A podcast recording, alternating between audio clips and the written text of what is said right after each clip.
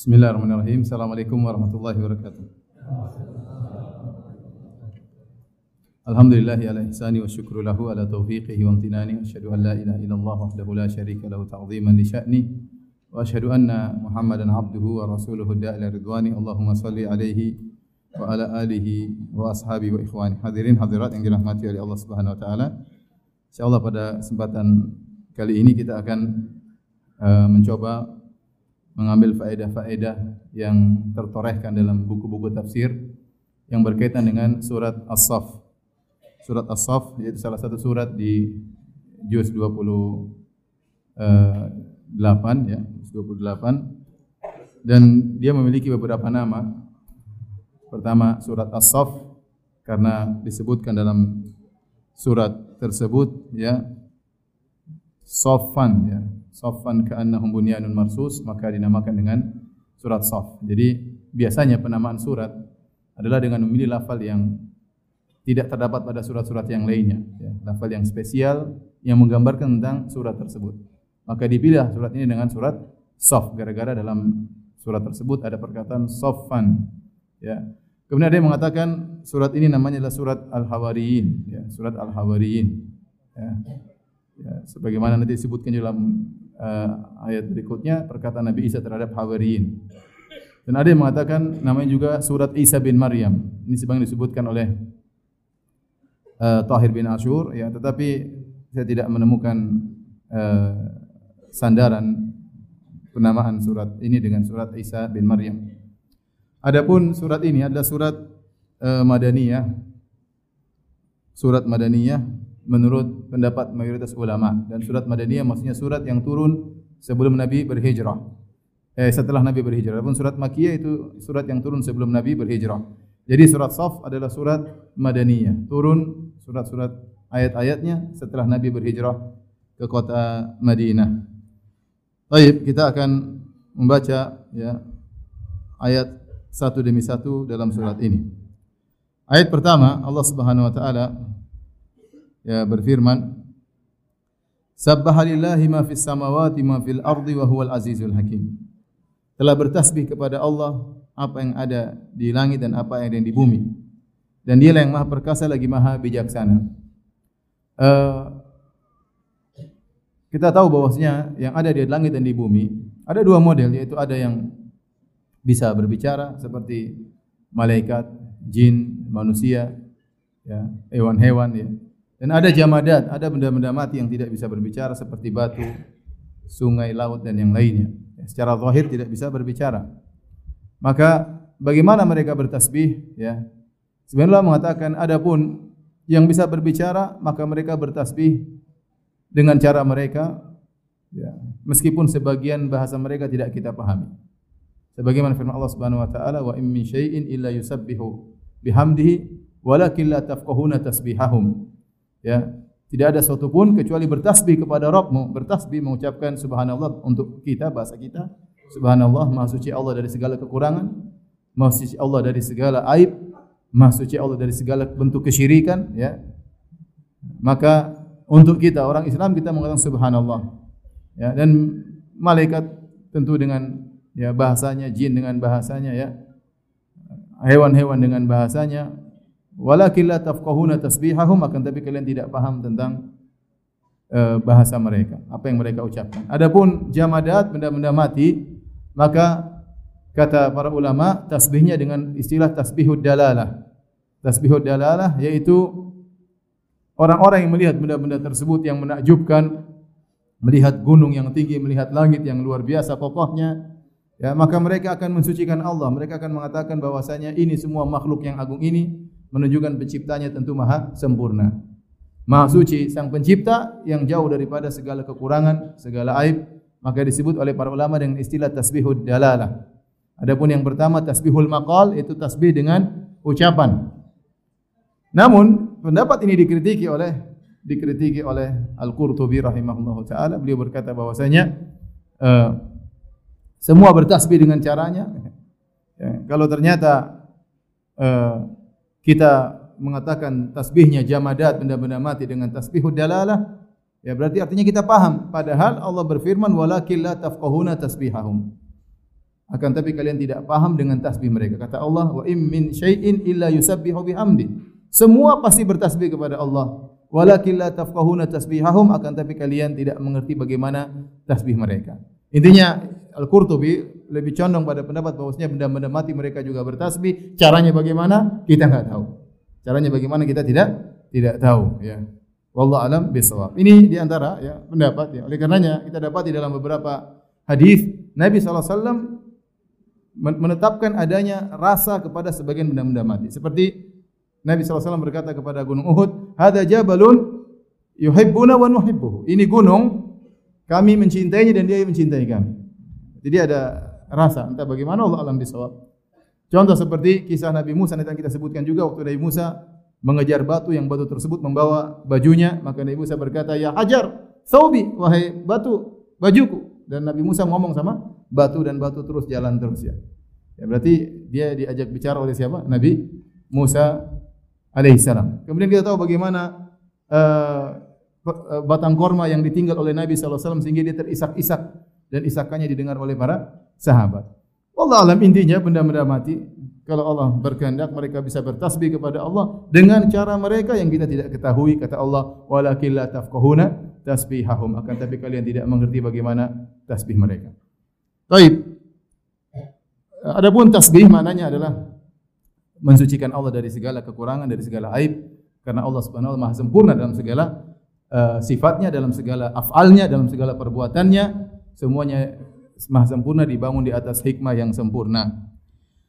Wa huwal azizul hakim dan Allah Maha perkasa dan Maha bijaksana ya. Al-Aziz Maha perkasa, kemudian Al-Hakim Maha bijaksana. Al-Hakim mengandung dua makna, dzul hukmi wa dzul hikmah ya Allah yang menjalankan hukumnya la muaqqiba hukmi kalau Allah menjalankan hukumnya tidak ada yang bisa protes terhadap hukum Allah Subhanahu wa taala atau al hakim maknanya dzul hikmah walillahi hikmatun balighah bahwasanya Allah Subhanahu wa taala memiliki hikmah yang sangat tinggi tidak ada sesuatu yang Allah takdirkan kecuali di baliknya ada ada hikmah tatkala al aziz digabungkan dengan al hakim ya eh, maha perkasa digabungkan dengan hikmah maka uh, tambah kesempurnaan yang lainnya tidak seperti makhluk-makhluk ada yang kuat, yang perkasa namun tidak hikmah, melakukan perbuatan yang konyol misalnya ya.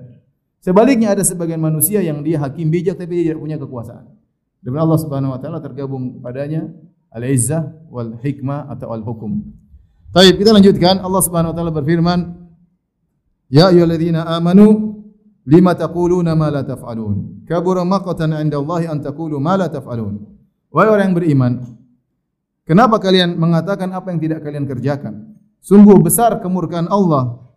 Sungguh besar kemurkaan di sisi Allah. Kalian mengucapkan apa yang tidak kalian kerjakan.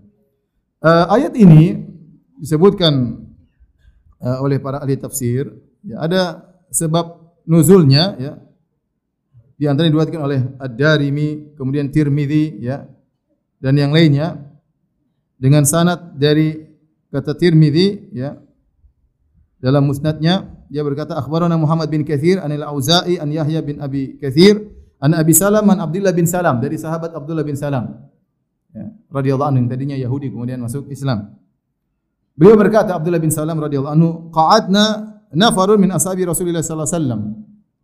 Fatadzakarna kami duduk sekelompok sahabat di sisi Nabi sallallahu alaihi wasallam. Kemudian kami pun saling mengingatkan tentang masalah agama. Fakulna maka kami berkata, Lau na'lam ayyal a'mali ahabbu ila Allah taala la alim la amilnahu. Kalau kita tahu amalan apa yang paling dicintai oleh Allah, tentu kita akan mengerjakannya. Jadi mereka lagi semangat nih ingin beramal soleh. Apa sih kira-kira amalan yang paling dicintai oleh Allah? Kalau kita tahu amal tersebut yang paling dicintai Allah, tentu kami kita akan mengamalkannya. Fa anzalallahu ta'ala maka Allah pun menurunkan firman-Nya Surat As-Saff. Sabbaha lillahi ma fis samawati ma fil ardi wa huwal azizul hakim. Ya ayyuhalladzina amanu lima taquluna ma la taf'alun hatta khatamaha. Nabi bacakan surat tersebut sampai akhir surat As-Saff. Ini salah satu contoh surat yang turun sempurna dari awal sampai akhir, ya. Karena ada sebagian surat turun sebagian, kemudian yang belakangannya turun belakangan. Seperti contohnya surat Al-Alaq. Iqra bismi rabbikal ladzi khalaq pertama turun cuma lima ayat. Kemudian diselingi dengan surat-surat yang lain baru kemudian turun sisanya di kesempatan yang lain. Ya, apalagi surat Al-Baqarah, turunnya sebagian-sebagian ayat tidak langsung turun Al-Baqarah langsung sempurna demikian. Di antara surat yang turun langsung sempurna, pelak sempurna contohnya surat As-Saff ya. Dan hadis ini dikenal dengan hadis salah satu dari contoh hadis Al-Musalsal ya. Hadis Al-Musalsal di mana ya kata Abdullah ibnu Salam sahabat faqara'aha alaina Rasulullah sallallahu alaihi wasallam hatta khatamaha maka Nabi SAW membacakan surat ini sampai selesai dari awal sampai akhir. Faqala Abu Salama, maka Abu Salama yang meriwayatkan dari Abdullah bin Salam, seorang tabi'in dia berkata, Faqara alaina Ibnu Salam, maka Abdullah bin Salam membacakan kepada kami dari awal ayat sampai terakhir. Wa qala Yahya, Yahya yang meriwayatkan dari Abu Salama juga berkata, Faqara alaina Abu Salama, maka Abu Salama membacakan jadi setelah meriwayatkan hadis dia baca ayat dari awal sampai akhir. Jadi semua yang meriwayatkan hadis membacakan surat tersebut dari awal sampai akhir. Wa qara'aha alaina Yahya. Kemudian uh, Abu Salam mengatakan uh, Yahya membacakan kepada kami dan seterusnya Al-Auza'i sampai kepada Muhammad yaitu uh, Ad-Darimi. Ya. Oleh karenanya Ibn Hajar rahimahullah tatkala mengomentari hadis ini dia mengatakan saya juga punya hadis musalsal sampai Nabi sallallahu alaihi wasallam dengan sanad yang sahih dengan cara penyampaian yang yang sama. Itu disebut dengan hadis al-musalsal ya. Yang menunjukkan bagaimana eh, dhabat ya, kokohnya hafalan para perawi. Baik. Uh, ini sebab nuzul dari ayat ini. Bahwasanya para sahabat berangan-angan ingin tahu amal apakah yang paling dicintai oleh Allah Subhanahu wa taala, mereka ingin beramal. Ternyata amal yang dicintai oleh Allah turun surat As-Saff yaitu jihad. Yaitu jihad. Ya, hal adullukum ala tijaratin tunjikum min adzabin alim. Tu'minuna billahi wa rasuli wa tujahiduna. Ya, maukah aku tunjukkan kepada kalian tentang suatu amalan, ya, suatu jual beli yang akan menyelamatkan kalian, kalian dari adab yang pedih. Yaitu apa? Kalian beriman kepada Allah Rasulnya dan kalian berjihad.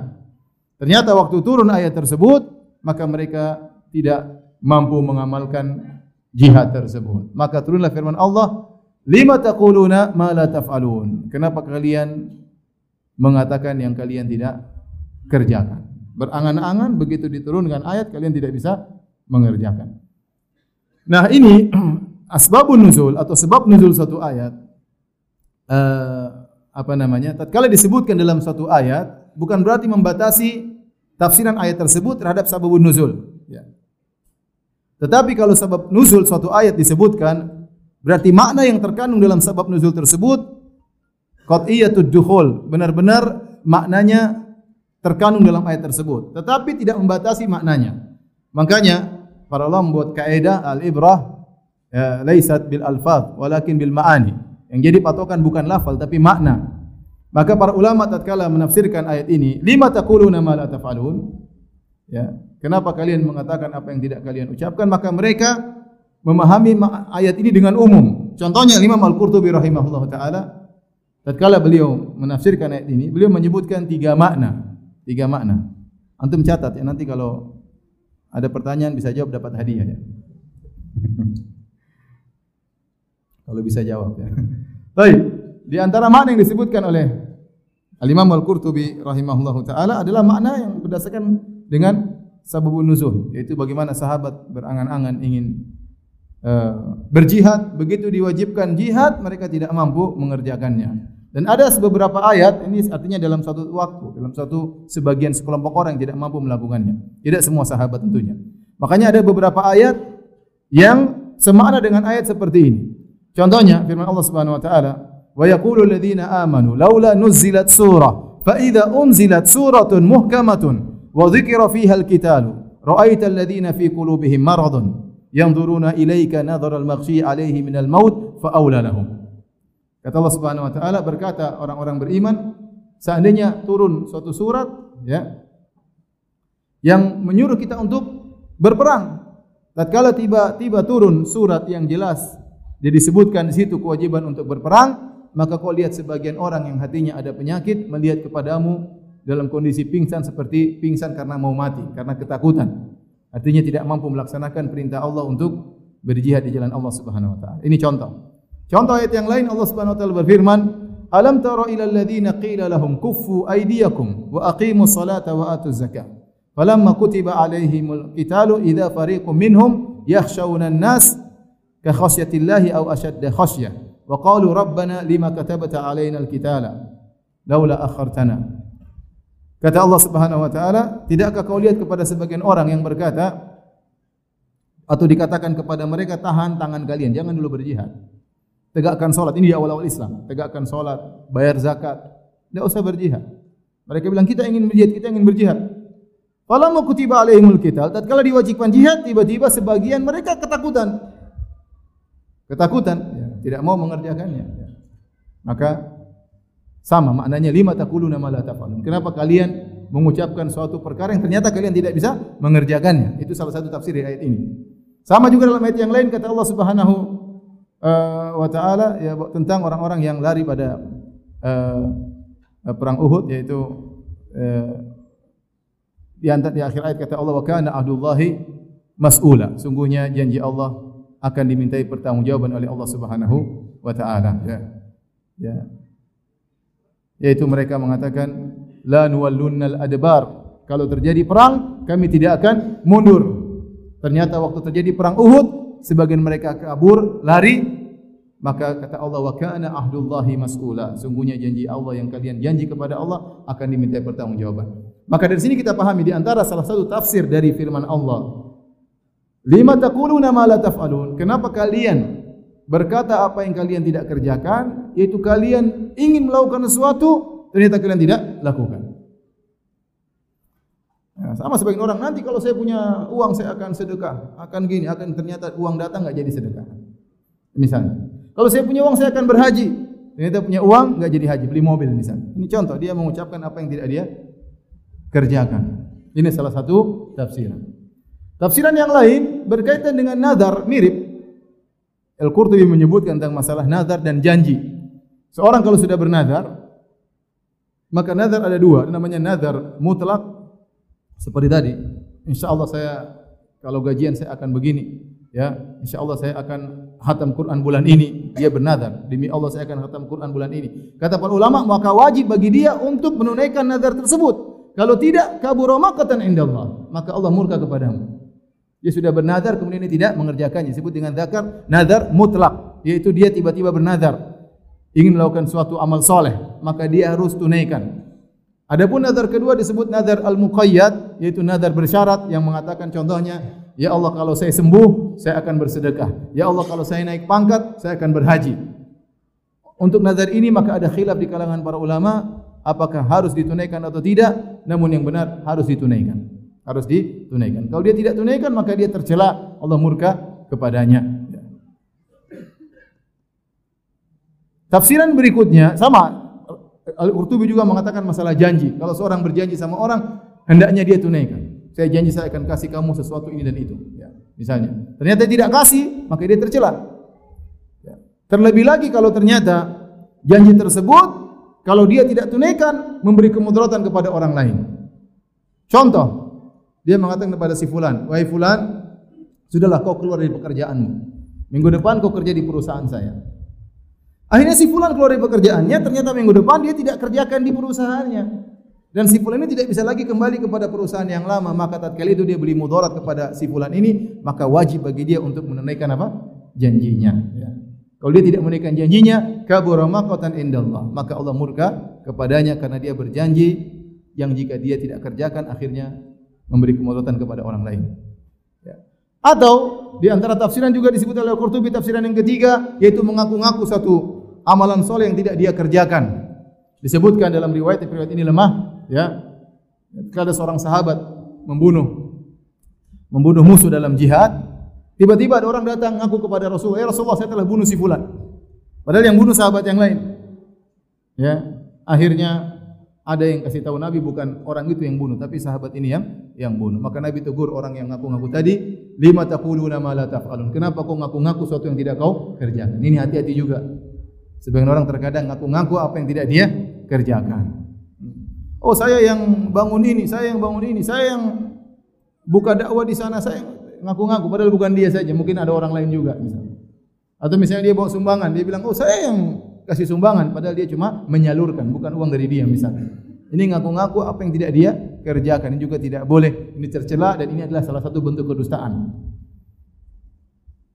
Paham? Taib. Tafsiran yang keempat. yang keberapa?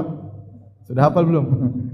yang keempat adalah tafsiran dibawakan oleh para ulama untuk menegur para dai. Yang betapa sering mereka menyampaikan perkara yang mereka tidak kerjakan. Oleh karenanya, ada seorang salaf berkata, An-Nakhai, dia berkata, Thalathu ayatin mana'atni an aqussu 'alan nas. Ada tiga ayat yang menghalangi aku untuk menyampaikan kisah, itu kisah-kisah teladan atau menyampaikan pengajian kepada orang-orang. Tiga ayat tersebut yang pertama, atamuruna an-nasa bil birri wa tansawna anfusakum. Apa kalian menyuruh orang-orang untuk melakukan kebajikan sementara kalian tidak mengerjakannya? Kalian lupa tentang diri kalian sendiri. Ya. Ibarat lilin, kemudian dia memberi penerangan sama orang lain sementara dia sendiri terbakar, meleleh.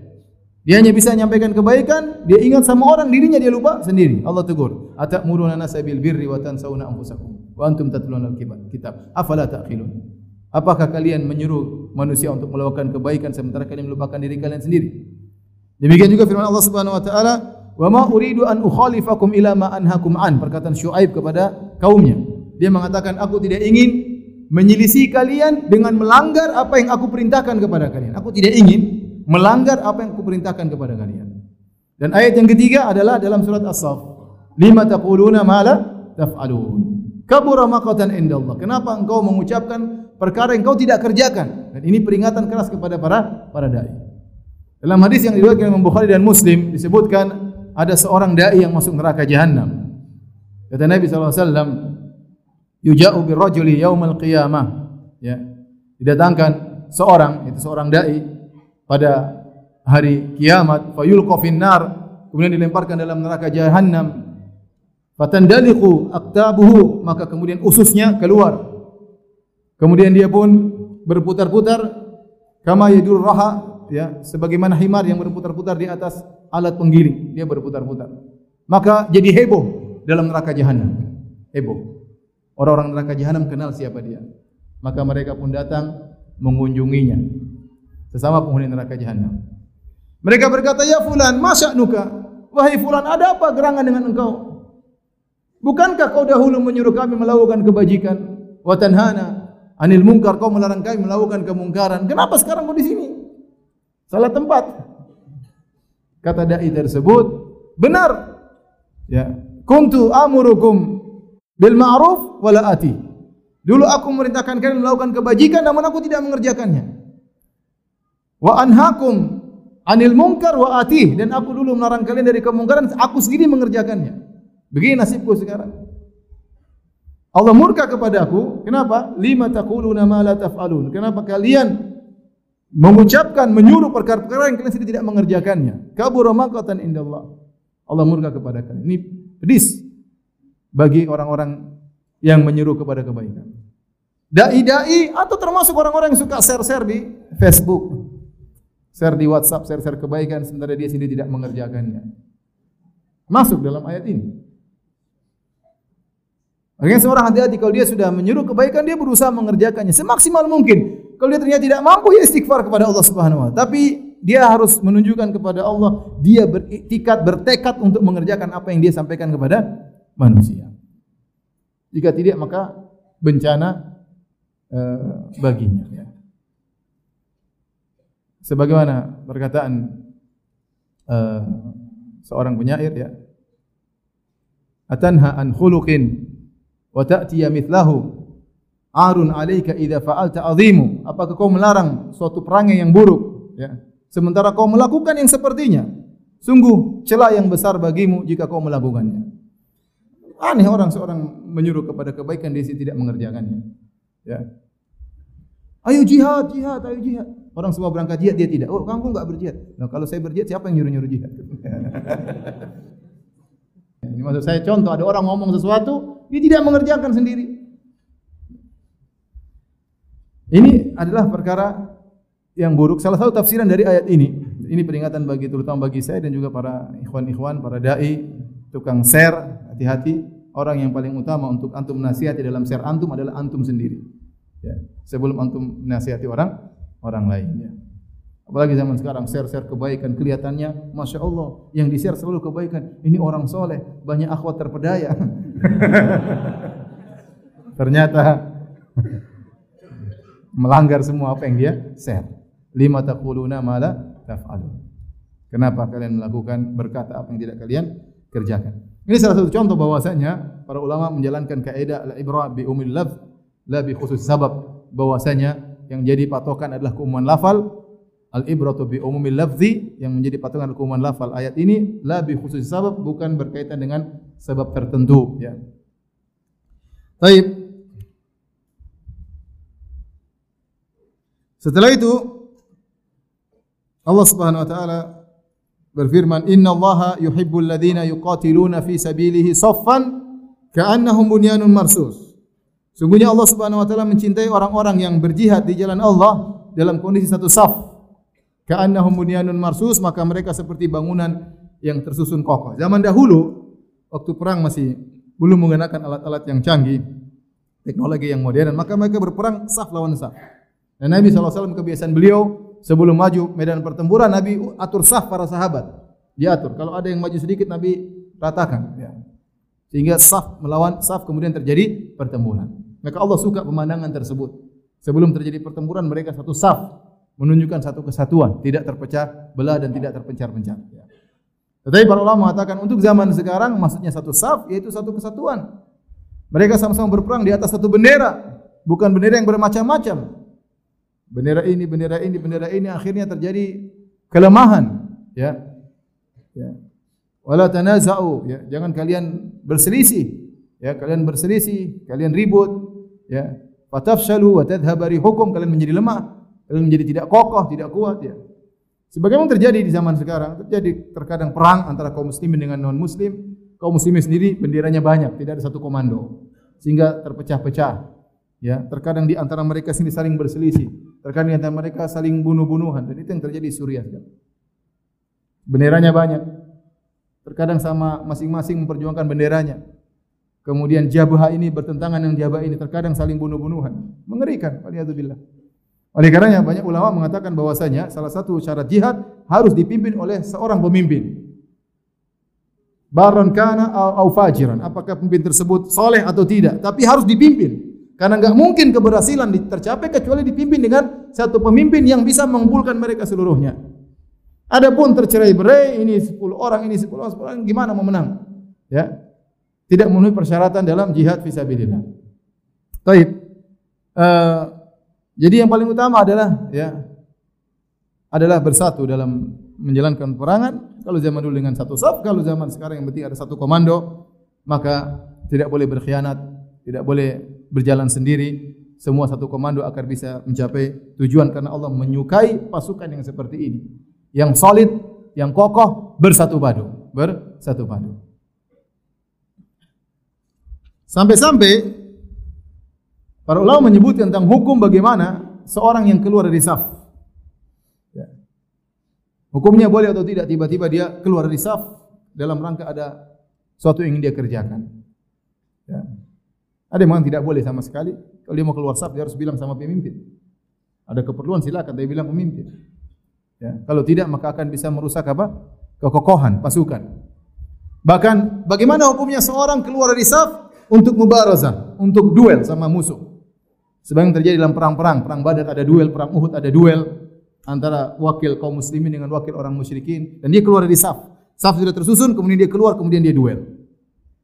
Maka sebenarnya mengatakan boleh karena ada maslahatnya kalau dia bisa mengalahkan orang kafir tersebut maka akan menjatuhkan mental mereka dan mudah mengalahkan mereka. Sebenarnya mengatakan tidak boleh karena khawatir dia ria, tidak boleh dia keluar lebih dahulu kecuali ada orang musyrik yang keluar, nantang baru dia boleh sambut dengan minta izin kepada sang pemimpin.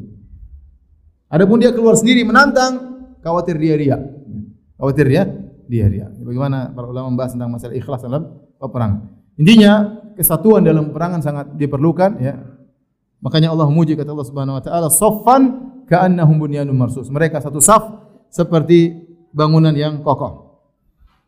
Setelah itu Allah Subhanahu wa taala menyebutkan tentang uh, kisah umat-umat terdahulu. Kisah umatnya Nabi Musa dan kisah umatnya Nabi Isa alaihissalam. Yaitu Allah mengatakan seakan-akan wahai kaum mukminin janganlah kalian seperti sikap kaum Musa kepada Musa yang tidak nurut. Ya. Dan sebagaimana sebagian kaum Nabi Isa yang tidak nurut kepada Nabi Isa alaihissalam. Kalian harus berbeda, kalian harus taat kepada Nabi Muhammad sallallahu alaihi wasallam. Kalau ada seruan jihad, maka kalian harus tunduk, tidak seperti perbuatan kaum Nabi Musa kepada Nabi Musa alaihissalam. Maka Allah mengatakan, Wa idh qala Musa liqaumihi. Tatkala Musa berkata kepada kaumnya Ya qaumi lima tu'dzunani wahai kaumku kenapa kalian menyakitiku?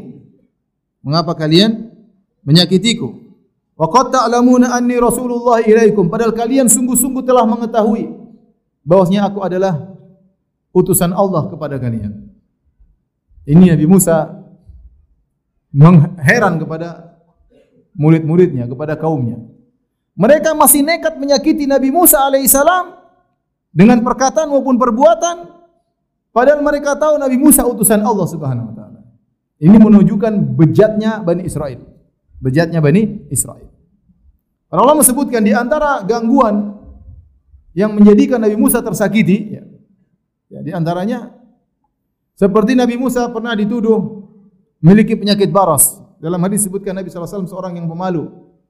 Bani Israel dahulu kalau mereka mandi, mereka mandi barang-barang, laki-laki barang-barang. Sehingga saling melihat di antara mereka. Syariat mereka dahulu boleh. Meskipun mereka tidak berpakaian dan mandi barang-barang. Nabi Musa AS seorang yang pemalu, maka dia mandi sendiri. Dia tidak gabung sama kaumnya. Maka dia mandi sendiri. Maka kaumnya ngejek dia. Kata mereka itu Musa. Padahal Nabi ya.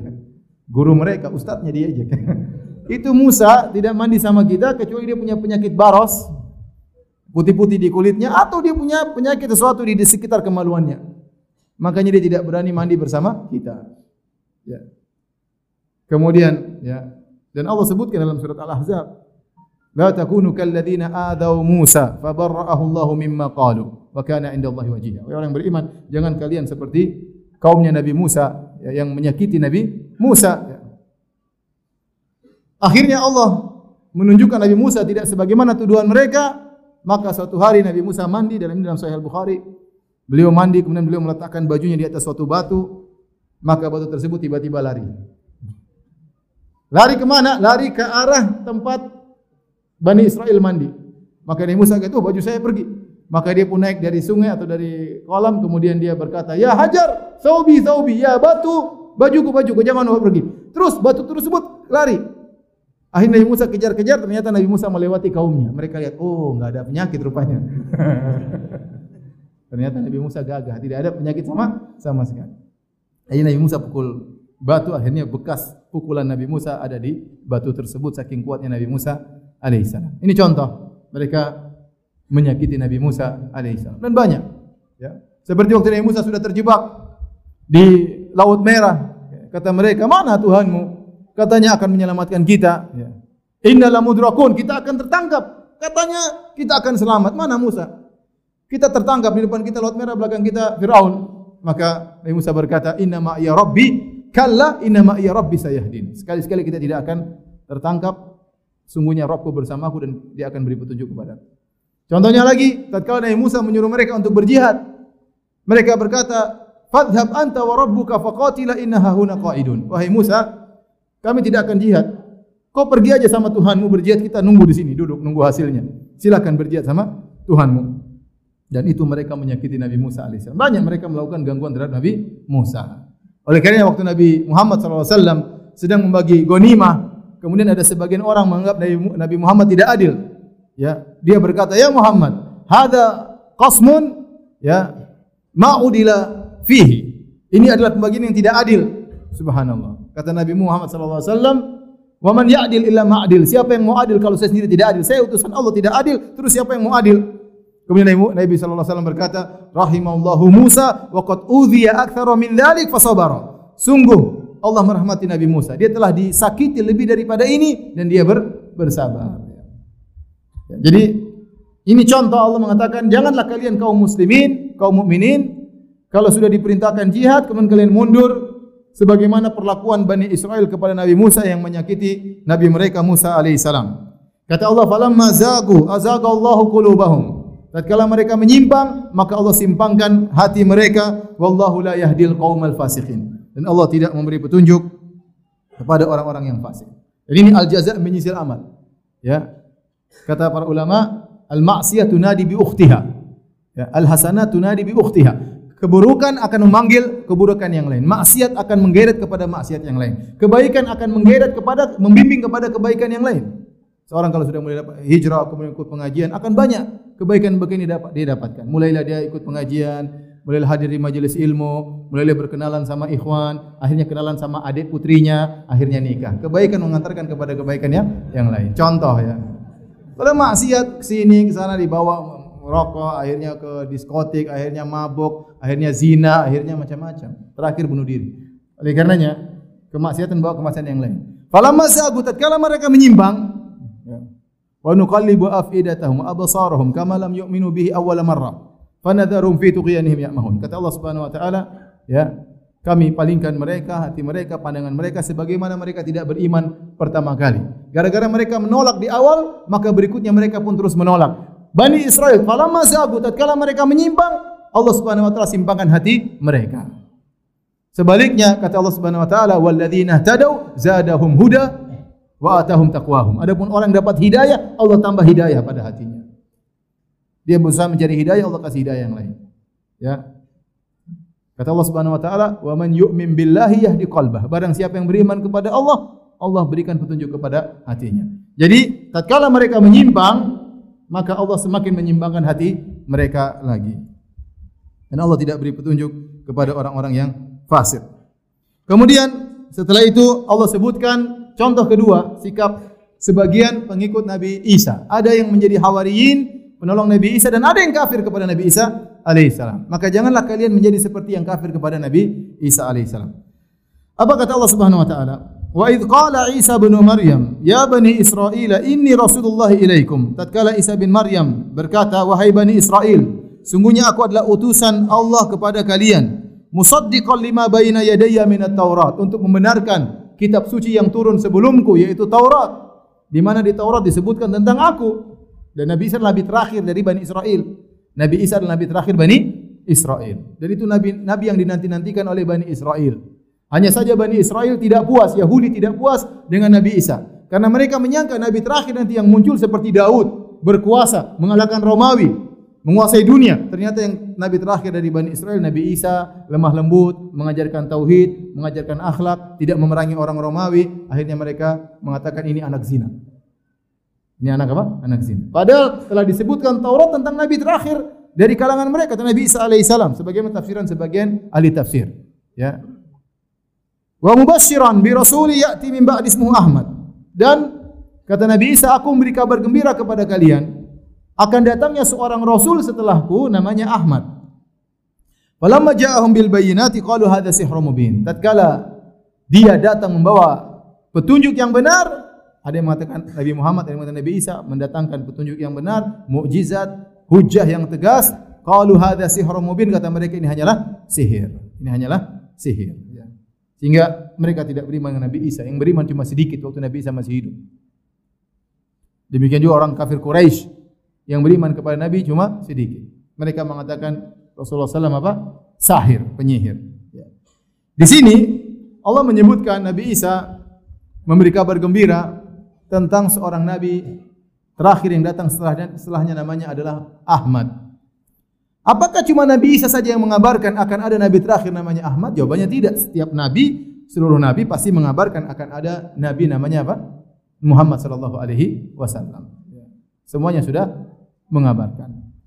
Hanya saja disebutkan secara khusus tentang Nabi Isa ya, karena tidak ada namanya mafhumul laqab dalam usul fikih mafhumul laqab laisa bihujjah. Ini istilah usul fikih. Tapi intinya ya disebutkan Nabi Isa secara khusus bukan berarti nabi-nabi lain tidak mengabarkan tentang Nabi Muhammad sallallahu alaihi wasallam. Semua nabi mengabarkan bahkan sebelum mereka Nabi Ibrahim alaihissalam ya berdoa kepada Allah Subhanahu wa taala. Ya ib'ats fihim rasulan minhum. Ya Allah utuslah kepada mereka seorang rasul dari mereka. Ya yaitu Nabi Muhammad sallallahu alaihi wasallam. Ya. Tetapi kenapa dikhususkan penyebutan Nabi Isa di sini? Karena Nabi Isa adalah nabi terakhirnya Bani Israel. Nabi terakhirnya Bani Israel dan dia kabarkan ada seorang nabi namanya Ahmad. Taib. Rasulullah sallallahu alaihi wasallam namanya banyak. Kata Nabi sallallahu alaihi wasallam dalam Sahih Bukhari, Sahih Muslim dan yang lainnya, kata Nabi sallallahu alaihi wasallam, "Li khamsatu asma, aku memiliki lima nama. Ana Muhammadun, aku Muhammad. Wa Ahmadu dan aku adalah Ahmad. Wa anal mahi, aku adalah penghapus. Alladhi yamhullahu bi al-kufra. Yang denganku Allah pun menghapuskan kekufuran. Wa anal hashir alladhi yuhsyarun nas ala qadami. Aku adalah pengumpul karena orang-orang dikumpulkan di bawahku. Wa anal aqib dan aku adalah uh, terbelakang karena aku adalah nabi terakhir, tidak ada nabi setelah setelahku. Di antara nama-nama nabi sallallahu alaihi wasallam adalah Ahmad. Ahmad kenapa dinamakan dengan Ahmad? Maka ada dua pendapat di kalangan para ulama. Yang pertama mengatakan dia adalah Ahmadun nasi li rabbih. Muhammad SAW disebut dengan Ahmad karena dia adalah Ahmadun Nas. Ahmadun Nas artinya orang yang paling banyak memuji Allah Subhanahu wa taala. Di seluruh para nabi, di seluruh para manusia yang paling banyak memuji Allah adalah Muhammad sallallahu alaihi wasallam. Maka dia disebut dengan Ahmad. Orang yang paling banyak memuji siapa? Allah Subhanahu wa taala. Dalam setiap kondisi, dalam setiap keadaan, salatnya sangat panjang, puasanya luar biasa, zikir selalu, ya itulah Rasulullah sallallahu alaihi wasallam senantiasa memuji Rabbnya dan dia adalah manusia terbanyak yang memuji Rabbnya. Maka disebut dengan Ahmad.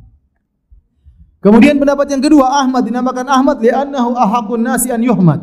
Dia adalah orang yang paling utama untuk dipuji karena betapa banyak kelebihan Nabi Muhammad sallallahu alaihi wasallam. Namun pendapat pertama lebih kuat karena makna kedua mirip dengan makna Muhammad. Muhammad artinya terpuji. Kenapa Muhammad dikatakan dengan Muhammad? Karena Muhammad memiliki banyak sekali kelebihan-kelebihan yang setiap kelebihan tersebut menjadikan dia berhak untuk dipuji. Sehingga saking banyak kelebihan yang dia miliki dari sisi akhlak, dari sisi keberanian, dari segala macam kedermawanan, ya, maka dia sering dipuji. Sering di, dipuji. Maka sekarang kita orang yang paling sering dipuji adalah siapa? Nabi Muhammad sallallahu alaihi wasallam karena terlalu banyak kebaikan yang dia miliki. Adapun nama-nama yang lain tadi sudah kita sebutkan, itu ada namanya Al-Mahi, ada namanya Al-Hashir, ada namanya Al-Aqib. Taib. Setelah itu Allah berfirman, kita ada tiga sesi ya.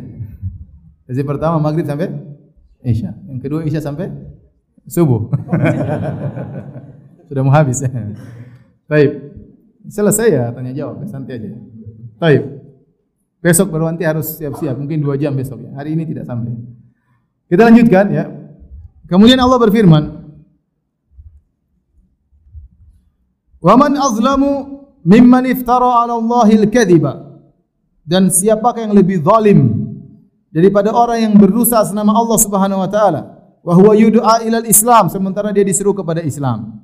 Wallahu la yahdil qaumadz zalimin. Allah tidak memberi petunjuk kepada orang-orang yang zalim. Kata para ulama maksudnya adalah Bani Israel. Mereka adalah orang yang paling zalim. Kenapa? Mereka berdosa berdosa atas nama Allah, mereka mengatakan Muhammad adalah penyihir. Padahal mereka tahu tentang kebenaran Muhammad dalam Taurat dan Injil. Semua orang tahu. Makanya lihatlah bagaimana Herakl Heraklius tatkala bertemu dengan Abu Sufyan, kemudian di, dia bertanya tentang Nabi Muhammad sallallahu alaihi wasallam, maka Abu Sufyan menjelaskan ketika dia, dia mengatakan kalau saya bisa ya saya akan datang kepadanya dan saya akan ya meletakkan singgasanaku untuknya ya. Intinya dia tahu tentang berita tentang Nabi terakhir Muhammad SAW. Hanya saja dia tidak menyangka Nabi terakhir tersebut dari bangsa Arab. Ya, artinya mereka tahu tentang Nabi terakhir. Kemudian mereka sengaja untuk mengingkari setelah mereka punya ilmu. Makanya mereka adalah orang yang paling zalim kata Allah Subhanahu wa taala sengaja berdusta atas nama Allah tentang Muhammad SAW padahal mereka disuruh kepada Islam. Wallahu la yahdil qaumadz zalimin. Sungguhnya Allah tidak beri petunjuk kepada orang-orang yang zalim.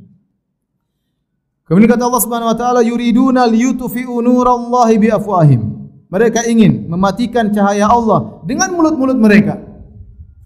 Wallahu mutimmu nurihi. Allah akan menyempurnakan cahayanya. Walau karihal kafirun meskipun orang-orang kafir membenci hal tersebut. Jadi Allah gambarkan mereka ini orang Bani Israel ingin mencela Nabi sallallahu alaihi wasallam.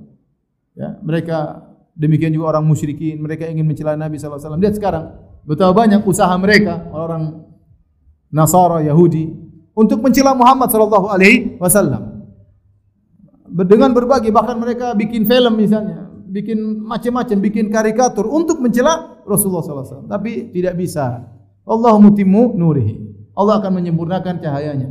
Di mana-mana sekarang negara-negara kafir orang masuk Islam berbondong-bondong. Setiap hari ada yang masuk Islam. Terus di mana-mana kita dengar berita. Kita tidak dengar orang murtad-murtad enggak, kecuali di negara kita ada ini murtad sini, murtad sini. Tapi kalau ente pergi ke negara kafir, orang masuk Islam berbondong-bondong. Mereka adanya medsos kemudian mereka belajar belajar mengenal Islam. Banyak masuk Islam banyak sekali. Dengan berbagai macam sebab mereka masuk masuk Islam. Luar biasa. Ya. Allah menyempurnakan cahaya Allah Subhanahu wa taala. Makanya seakan-akan Allah mengejek sebagian ulama mengatakan Allah menyamakan cahaya Allah dengan cahaya matahari. Kemudian yuriduna liyutfi'u nurallahi bi afwahim mereka ingin mematikan cahaya matahari dengan mulut mereka. Wow wow wow, wow. enggak mungkin enggak mungkin dia mau enggak mulut aja enggak sampai ke matahari terus mau tidak bisa mematikan cahaya Allah Subhanahu wa taala. Cahaya Allah terus bertambah dan bertambah dan bertambah sampai hari kiamat kelak. Kemudian kata Allah Subhanahu wa taala, dan ingat walau karihal kafirun, walaupun meskipun orang-orang kafir benci. Satu menit lagi. Ya udah azan aja satu menit. Sebelum kita masuk pada ayat yang lain. Intinya kata Allah walau karihal kafirun meskipun orang-orang kafir benci ini dalil bahwasanya tersebarnya Islam itu membuat orang-orang kafir jengkel. Ada orang kafir yang jengkel dengan tersebarnya apa? Islam, dengan tersebarnya cahaya Allah Subhanahu wa taala. Jangan kalian sangka aman-aman enggak ada yang jengkel, pasti ada yang yang jengkel. Tapi terus terus berdakwah agar cahaya Allah tersebar di atas permukaan bumi. Kita lanjutkan setelah salat Isya.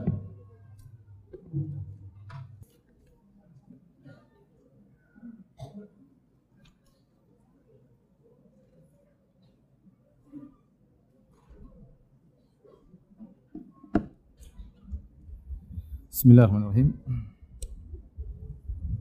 Bismillahirrahmanirrahim. Alhamdulillah salatu wassalamu ala Rasulillah wa ala alihi wa sahbihi wa Kita lanjutkan firman Allah Subhanahu wa taala dalam surat As-Saff ayat 9. Huwallazi arsala rasulahu bil huda wa dinil haqq liyudhhirahu 'ala ad-dini kullih walau karihal musyrikun. Allah yang telah mengutus rasulnya bil huda yaitu bil ilm an-nafi' wa dinil haqq bil amali salih Allah mengutus Rasulnya dengan bawa ilmu yang bermanfaat dan amal saleh. Liyudhirahu ala dini. Agar Allah subhanahu wa ta'ala memenangkannya di atas seluruh agama-agama yang lain. Walau karihal musyrikun, meskipun orang-orang musyrik benci akan hal tersebut. Ini isyarat bahwasanya kalau uh, agama mau unggul, maka harus dengan al-huda wa dinil haq, yaitu dengan ilmu yang bermanfaat dan amal yang soleh. Jika seorang terjauhkan dari ilmu yang bermanfaat atau sudah punya ilmu bermanfaat namun terjauhkan dari amal soleh, maka dia tidak akan unggul. Adapun unggul di sini, maka ada dua pendapat di kalangan para ulama bahwasanya Islam selalu unggul bil hujaj dengan argumentasi argumentasinya. Tidak ada yang bisa mengalahkan Islam dalam dalam dialog, dalam perdebatan agama mana pun yang kita dapati sampai sekarang. Seluruh agama yang ada kontradiktif, tidak logis, penuh dengan kesyirikan ya. Islam adalah agama yang paling logis, yang paling benar ya. Sampai saat ini jika ada perdebatan selalu yang menang adalah orang Islam dalam masalah ketuhanan ya dalam masalah agama. Maka dia selalu menang secara hujjah ya. Dan bisa jadi maknanya adalah menang secara unggul, secara total dan itu akan terjadi menjelang hari kiamat tatkala Allah menurunkan kembali Isa bin Maryam. Ya, sekarang Nabi Isa diangkat oleh Allah Subhanahu wa taala nanti menjelang hari kiamat ya maka tatkala dajjal sudah turun atau sudah muncul eh, di atas muka bumi maka Allah pun menurunkan Nabi Isa alaihissalam dalam Sahih Muslim dari Abu Hurairah Rasulullah SAW bersabda la yanzilanna ibnu Maryam hakaman adilan. Sungguh benar-benar akan turun Isa bin Maryam menjadi seorang hakim yang adil. Fala yaksiranna saliba. Maka dia akan menghancurkan salib-salib. Untuk menunjukkan bahwasanya agama Nasara tidak benar. Salib yang menjadi simbolnya adalah simbol yang salah. Wal yaqtulunna al-khinzira dan dia akan membunuhi babi-babi. Menunjukkan babi-babi akan ada terus sampai hari kiamat. Menjelang hari kiamat babi masih masih banyak. Maka akan dibunuh oleh siapa? Jadi antum jangan berkhayal babi akan habis, akan ada terus. sampai menjelang hari kiamat dan akan dibunuh oleh Nabi Isa alaihissalam untuk menunjukkan agama yang benar, agama Islam yang mengharamkan babi. Wala yadh'anna al-jizyah dan dia akan menghilangkan jizyah. Sekarang dalam Islam ada jizyah kalau terjadi peperangan maka dua pilihan. Masuk Islam atau kalau tidak masuk Islam bayar jizyah. Tapi pada menjelang hari kiamat kelak jizyah akan dihilangkan oleh Nabi Isa alaihissalam dan dia tinggal masuk Islam atau diperangi di akhir zaman. Ya. Wala tutrakannal qilas. Begitu Nabi Isa mulai memimpin dan dia ada berada di zaman Imam Mahdi, maka terjadi kemakmuran yang luar biasa. Sampai-sampai al-qilas, al-qilas adalah onta, onta yang muda yang disenangi akan ditinggalkan. Tidak ada yang peduli dengan onta-onta tatkala itu. Artinya tidak ada yang peduli dengan harta tatkala itu, ya. Karena semua orang sudah melimpah ruah hartanya. Fala yus'a 'alaiha, maka tidak ada yang berusaha untuk mencari harta. Wala tadhhabanna syahna wat tabaghut wat tahasud. Maka akan hilang kebencian, ya. akan hilang saling memusuhi, akan hilang saling hasad karena semua orang sudah kaya. Jadi jadi masalah ada hasad apa? Satu kaya, satu miskin. Satu pintar, satu bahlul. Itu masalahnya di situ bikin orang hasad. Yang satu banyak pengikutnya, satu sedikit pengikutnya. Bikin orang hasad. Satu suaranya indah, satu suaranya pas-pasan. Itu bikin hasad ya. Tapi kalau semua sudah makmur ya. Ya, yang satu sudah nyaman, sudah kaya, istrinya empat, satu juga nyaman, kaya, istrinya empat, mau hasad apa lagi? Ibu jangan tersinggung. Ya. Wala yad'uwanna ilal mal fala yaqbaluhu ahad. Kemudian akan ada yang menyuruh siapa yang mau harta, siapa yang mau tidak ada yang mau ambil tatkala itu. Karena semua orang sudah sudah makmur. Itu zaman apa? Zaman Imam Mahdi dengan adanya Nabi Isa alaihissalam. Tatkala itu Islam unggul bukan hanya dengan hujah, tapi dengan kekuatan mengalahkan seluruh agama tatkala itu. Baik, kemudian kita lanjutkan. Firman Allah Subhanahu wa taala, "Ya ayyuhalladzina amanu, hal adullukum ala tijaratin tunjikum min adzabin alim." Wahai orang yang beriman, Maukah aku kabarkan kepada kalian tentang suatu perdagangan yang akan menyelamatkan kalian dari adab yang pedih? Perdagangan. Namanya jual beli. Dagang itu apa? Orang membayar untuk mendapatkan keuntungan ya. Atau orang menjual untuk mendapatkan apa? Keuntungan. Itu namanya perdagangan. Ya, jadi Allah mengatakan, "Apakah kalian mau aku tunjukkan kepada perdagangan yang menguntungkan yang hasilnya tunjikum min adabin alim." Keuntungannya Allah sudah sebutkan, yaitu menyelamatkan dari adab yang yang pedih. Maka orang tatkala mendengar ayat ini apa perdagangan tersebut? Yang jelas keuntungannya menyelamatkan dari adab yang pedih, masuk surga tentunya. Maka Allah jelaskan barang dagangan tersebut adalah kalian menjual jiwa kalian dan harta kalian.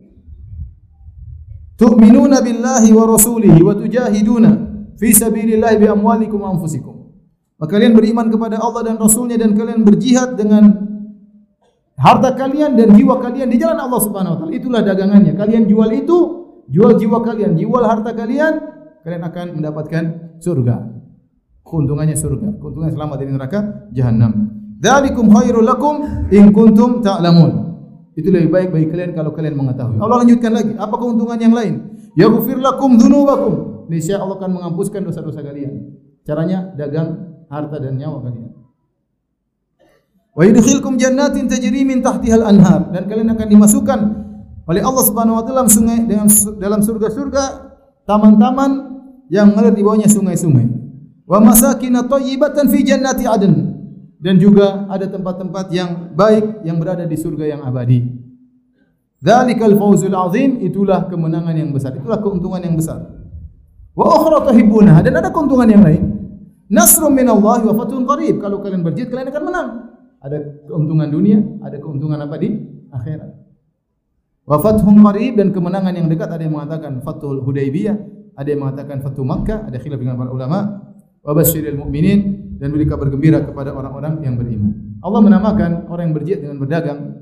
Sebenarnya dalam ayat ini Allah dalam ayat ini Allah berfirman inna Allah asyara minal mu'minina anfusahum wa amwalahum bi anna lahumul jannah yuqatiluna fi sabilillah fayaqtuluna wa yuqtalun.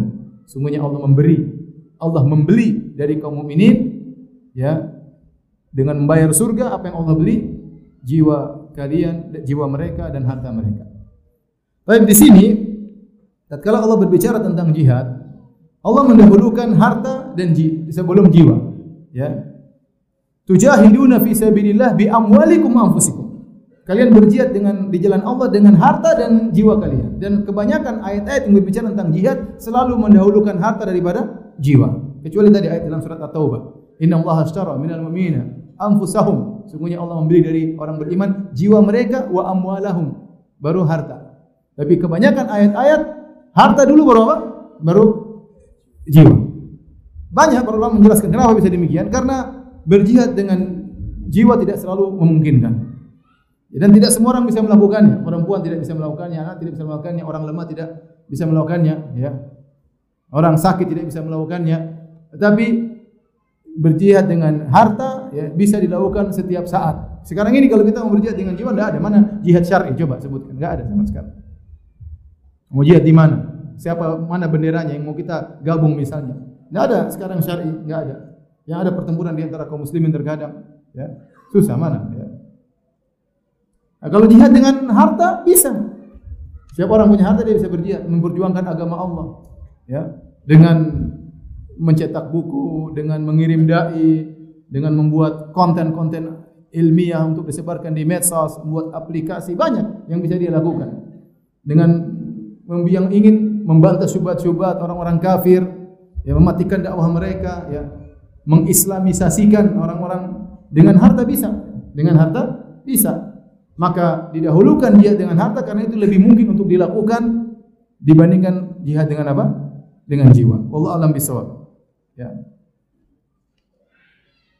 Kemudian Allah sebutkan juga di antara keuntungan ya tadi ya, Allah akan memberikan surga wa masakin atau yibah, rumah-rumah yang baik di surga. Kita sekarang rumah di dunia sebagian ada yang nyaman, sebagian ada yang kurang nyaman, sebagian ada yang tidak nyaman. ya, sebagian ada yang nyaman, masya Allah enak, sebagian yang biasa-biasa saja, sebagian ada yang tidak memadai. Ya. Maka kalau antum ingin mendapatkan tempat tinggal yang nyaman, tempat tinggal yang begitu luas dipenuhi oleh apa? E, bidadari. Banyak tempat tidurnya yang siap tempat tidur ada bidadarinya kemudian dengan buah-buahan yang begitu banyak makanan yang indah kemudian berbagai macam kenikmatan surga maka harus berjuang. Harus berjuang. Ala inna sil'atal sil'atallahi ghaliyah ketahuilah perdagangan Allah barang yang Allah jual kepada kalian mahal Ketahuilah dia adalah apa? Surga. Bukan perkara sepele. Harus perjuangan masuk surga. Ya. Huffatil jannatu bil makari. Surga diliputi dengan perkara yang dibenci. Artinya apa? Kalau ente ingin menerobos ke surga, pasti ente melewati pagar-pagar yang buat ente jengkel, yang tidak disukai. Tidak boleh ini, tidak boleh ini, tidak boleh, tidak boleh ini haram, ini haram, ini haram baru bisa nyemplung ke surga. Tapi kalau masuk neraka gampang. Huffatin naru bisyahwat neraka dipagari dengan diliputi dengan perkara syahwat. Mau masuk neraka enak, enak, enak, enak nyemplung neraka. Sekarang zaman syahwat. Ya. Baik. Kemudian Allah berfirman, Ya ayyuhalladzina amanu kunu ansarallahi kama qala Isa bin Maryam lil hawariyin man ansari ila Allah. Wahai orang beriman, jadilah kalian penolong-penolong agama Allah Sebagaimana Isa ibn Maryam telah berkata kepada pengikut-pengikutnya, Hawari, Hawari itu maksudnya khawas, orang-orang spesial, orang-orang dekat. Ya. Kata Nabi SAW, Inna likulli nabiyyin hawariyan wa hawari Zubair bin Awam. Setiap nabi pasti ada orang khususnya. Di antara orang khususku adalah Zubair ibn Awam radhiyallahu taala anhu. Kama qala Isa bin Maryam lil hawariyin. Tatkala Isa bin Maryam berkata kepada hawarin, kepada murid-murid dekatnya, "Man ansari ila Allah?" Siapa yang mau menolong Allah bersamaku? Qala al hawariyun nahnu ansarullah. Berkata hawariyun, kami adalah penolong-penolong Allah. Fa amanat ta'ifatun min Bani Israel. Ya, kata para ulama, setelah Nabi Isa diangkat, sebagian Bani Israel beriman, wa kafarat ta'ifah. Dan sebagian Bani Israel apa? Kufur. Artinya kufur maksudnya apa? Syirik kepada Allah Subhanahu wa taala. Mereka mengatakan sebagian ahli tafsir mengatakan tiga golongan begitu Nabi Isa diangkat kufur kepada Nabi Isa atau kufur kepada Allah. Pertama yang mengatakan Allah adalah Isa. Kedua mengatakan Isa adalah anak Allah. Ketiga mengatakan Allah satu dari yang tiga. Ya. Yang ini Allah sebutkan semua dalam Al-Qur'an. Tentang tiga kelompok ini. Satu mengatakan Allah, laqad kafara alladziina qalu inna Allah huwal masih ibnu Maryam. Sungguh telah kafir yang mengatakan Allah adalah Nabi Isa. Ya. Kemudian apa namanya?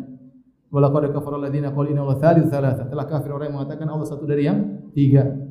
Wa qala takhadar rahmanu walada laqad ji'tum syai'an idda. Mereka berkata Allah punya anak. Tiga ini disebut oleh Allah Subhanahu wa taala. Itulah kelompok-kelompok yang kafir setelah Nabi Isa diangkat. Kata Allah, "Fa ayyadana alladziina amanu ala aduwwihim fasbahu zahirin." Maka Allah memenangkan orang-orang beriman dengan hujjah untuk mengalahkan orang-orang yang kafir, jadilah mereka unggul tatkala itu mereka bisa berdebat dan mengalahkan orang-orang berbuat syirik kepada Nabi Isa alaihissalam bahkan sampai sekarang ya maka barang siapa yang bertauhid akan bisa mengalahkan hujahnya orang-orang berbuat uh, kesyirikan. Wallahu taala alam bisawab. Demikian saja kajian kita ya. Uh, kalau ada yang bertanya saya persilakan. Atau saya tanya dulu yang dapat hadiah.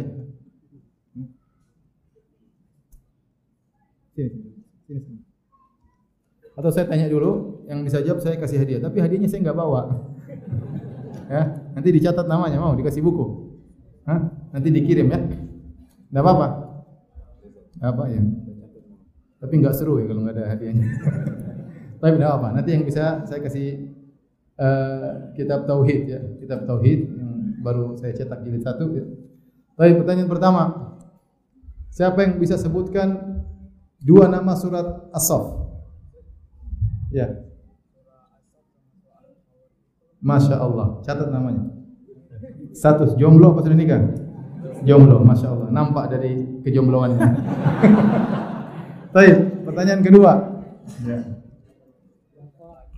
Siapa yang bisa sebutkan empat tafsir dari lima takulu nama la taf'alu secara singkat? Silakan berdiri. Antum, empat tafsir. Satu, yang pingin jihad terus nggak jadi jihad. Yang kedua, dan ketiga keempat sebagai perkataan ustaz. Yang kedua, ha? Diantir janji harus tepat. Yang ketiga,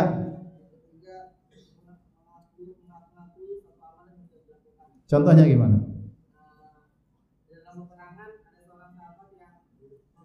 Benar, benar. Yang keempat,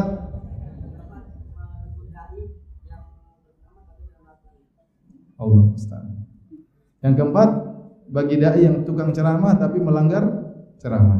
Antum juga nggak sering share-share kebaikan? Lumayan. Jomblo? Hah? Masya Allah, istri saya. Catat namanya. Baik. Sedikit. Baik, pertanyaan ketiga. Pertanyaan ketiga, Siapa bisa menyebutkan dua makna dari uh, liyudhirahu ala dini kulli untuk mengunggulkan Islam di antara seluruh agama. Dua makna. Silakan.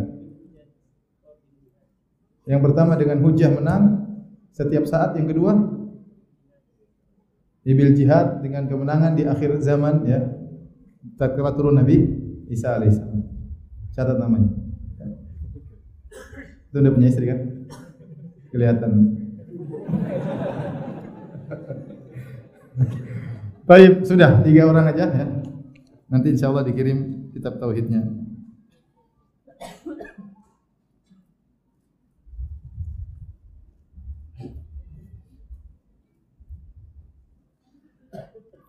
Ustaz apa ini dimaksud dengan al-jamaah? Al-jamaah datang dalam hadis iftirakul ummah.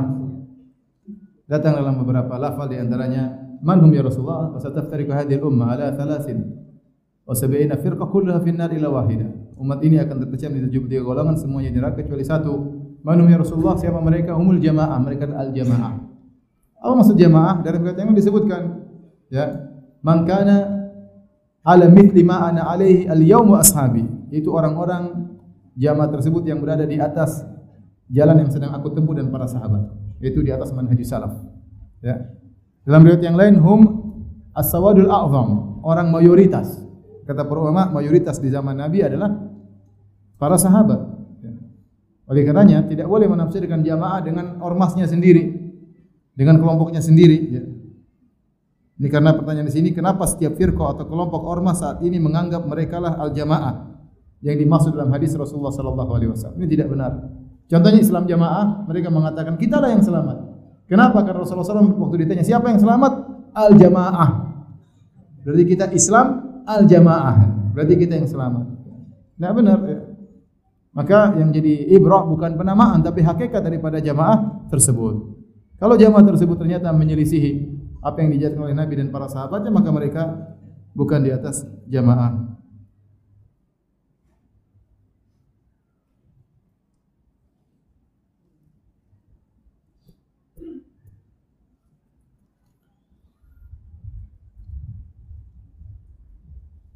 Hukum ijazah hasil skripsi yang dikerjakan orang lain. Pekerjaan penghasilan menggunakan ijazah tersebut terlanjur. Ijazah saya yang dibuang Ustaz. Berarti bohong, dosa. Istighfar, ya, tidak usah membanggakan bukan hasil karya antum. Sembunyikan ijazah tersebut, tidak usah dinampak-nampakkan. Kalau mau ditampakkan tulis hasil karya orang lain. Ya boleh, antum banggakan suatu perkara yang bukan antum kerjakan. Adapun kerjaan antum sekarang antum kerja dengan baik-baik. Kalau antum memang bisa mengerjakan pekerjaan tersebut, maka lanjutkan pekerjaan. Karena ijazah hanyalah wasilah. Ternyata antum mampu. Mungkin antum tidak punya ijazah pun bisa bekerja dan antum bisa menjalankan amanah pekerjaan tersebut. Tapi kalau ternyata antum sekarang tidak bisa mengerjakan sebagaimana mestinya, ente keluar dari kerjaan. Tidak boleh dilanjutkan. Tapi kalau antum mampu, ya, ya antum istighfar, ya, ya antum bertobat kepada Allah bahwa itu kedustaan dan insya Allah Allah mengampuni jika antum bertobat dengan benar.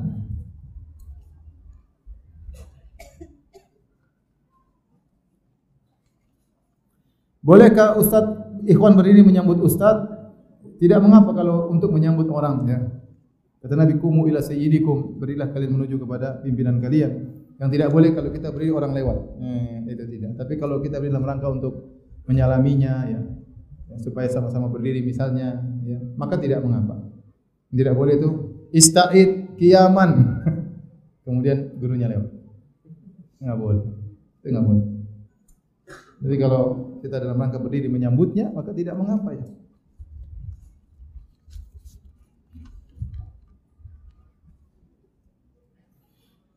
Anak baru mau mengakikah anak, anak yang umurnya sudah empat bulan karena baru mampu beli kambing. Masya Allah. Tapi pada saat umurnya tujuh hari sampai sekarang anak belum mencukurnya. Karena pada saat lahir anak-anak ditahan di ruang nisu, nicu. Enggak, ini ada n-nya kok. Hah? Nisu, benar ya? Ente ini jangan salah-salahin anak. Selama sebulan, pertanyaan apakah anak masih bisa mencukurnya? Masih boleh, enggak ada Mencukurnya hari ketujuh, mengakikkannya hari ketujuh, memotong kambing hari ketujuh, semuanya sunnah. Seandainya antum potong kambing hari ke setelahnya enggak ada masalah, tapi yang sunnahnya hari ke tujuh. Kalau tidurnya tidak lam yatayassar lak, tidak punya uang kecuali setelah empat bulan ya potong tatkala potong anak antum sekarang apa namanya cukur rambutnya sekarang dan potong kambing yang antum bisa telah antum dapatkan sekarang. Tidak mengapa. Allah Maha tahu antum tidak melakukannya uh, karena ketidakmampuan. Seharusnya hari ketujuh antum cukur rambut saja tidak apa-apa meskipun kambingnya nyusul. Harusnya demikian. Tapi sudah terlanjur ya sudah tidak apa-apa, cukur aja sekarang dan potong kambing sekarang.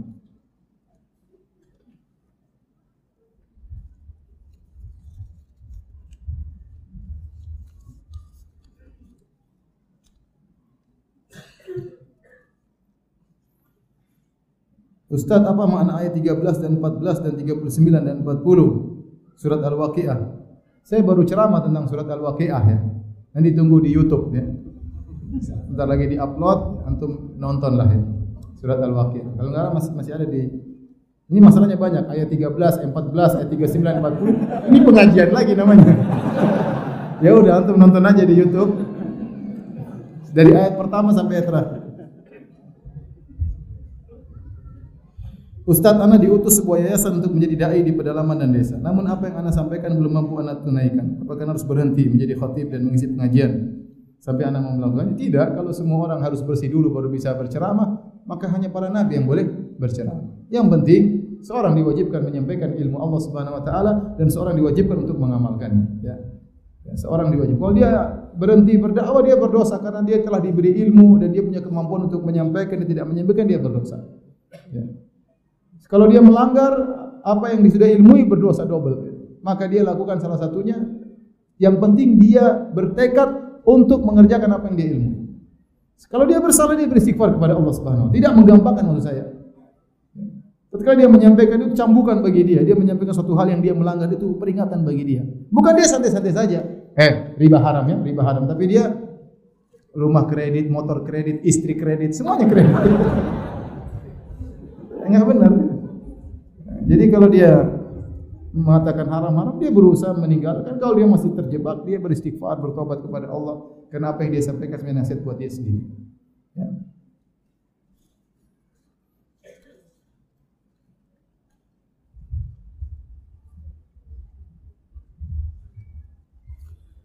Baik, demikian saja kajian kita. Insya Allah besok jam berapa? Setengah sembilan ya. Besok jam 8.30 di Masjid Assalam uh, di bandara tentang surat tafsir surat Al-Hadid. Surat Al-Hadid. Demikian kurang lebihnya saya mohon maaf. Subhanakallah bihamdik asyhadu an la ilaha illa anta. Assalamualaikum warahmatullahi.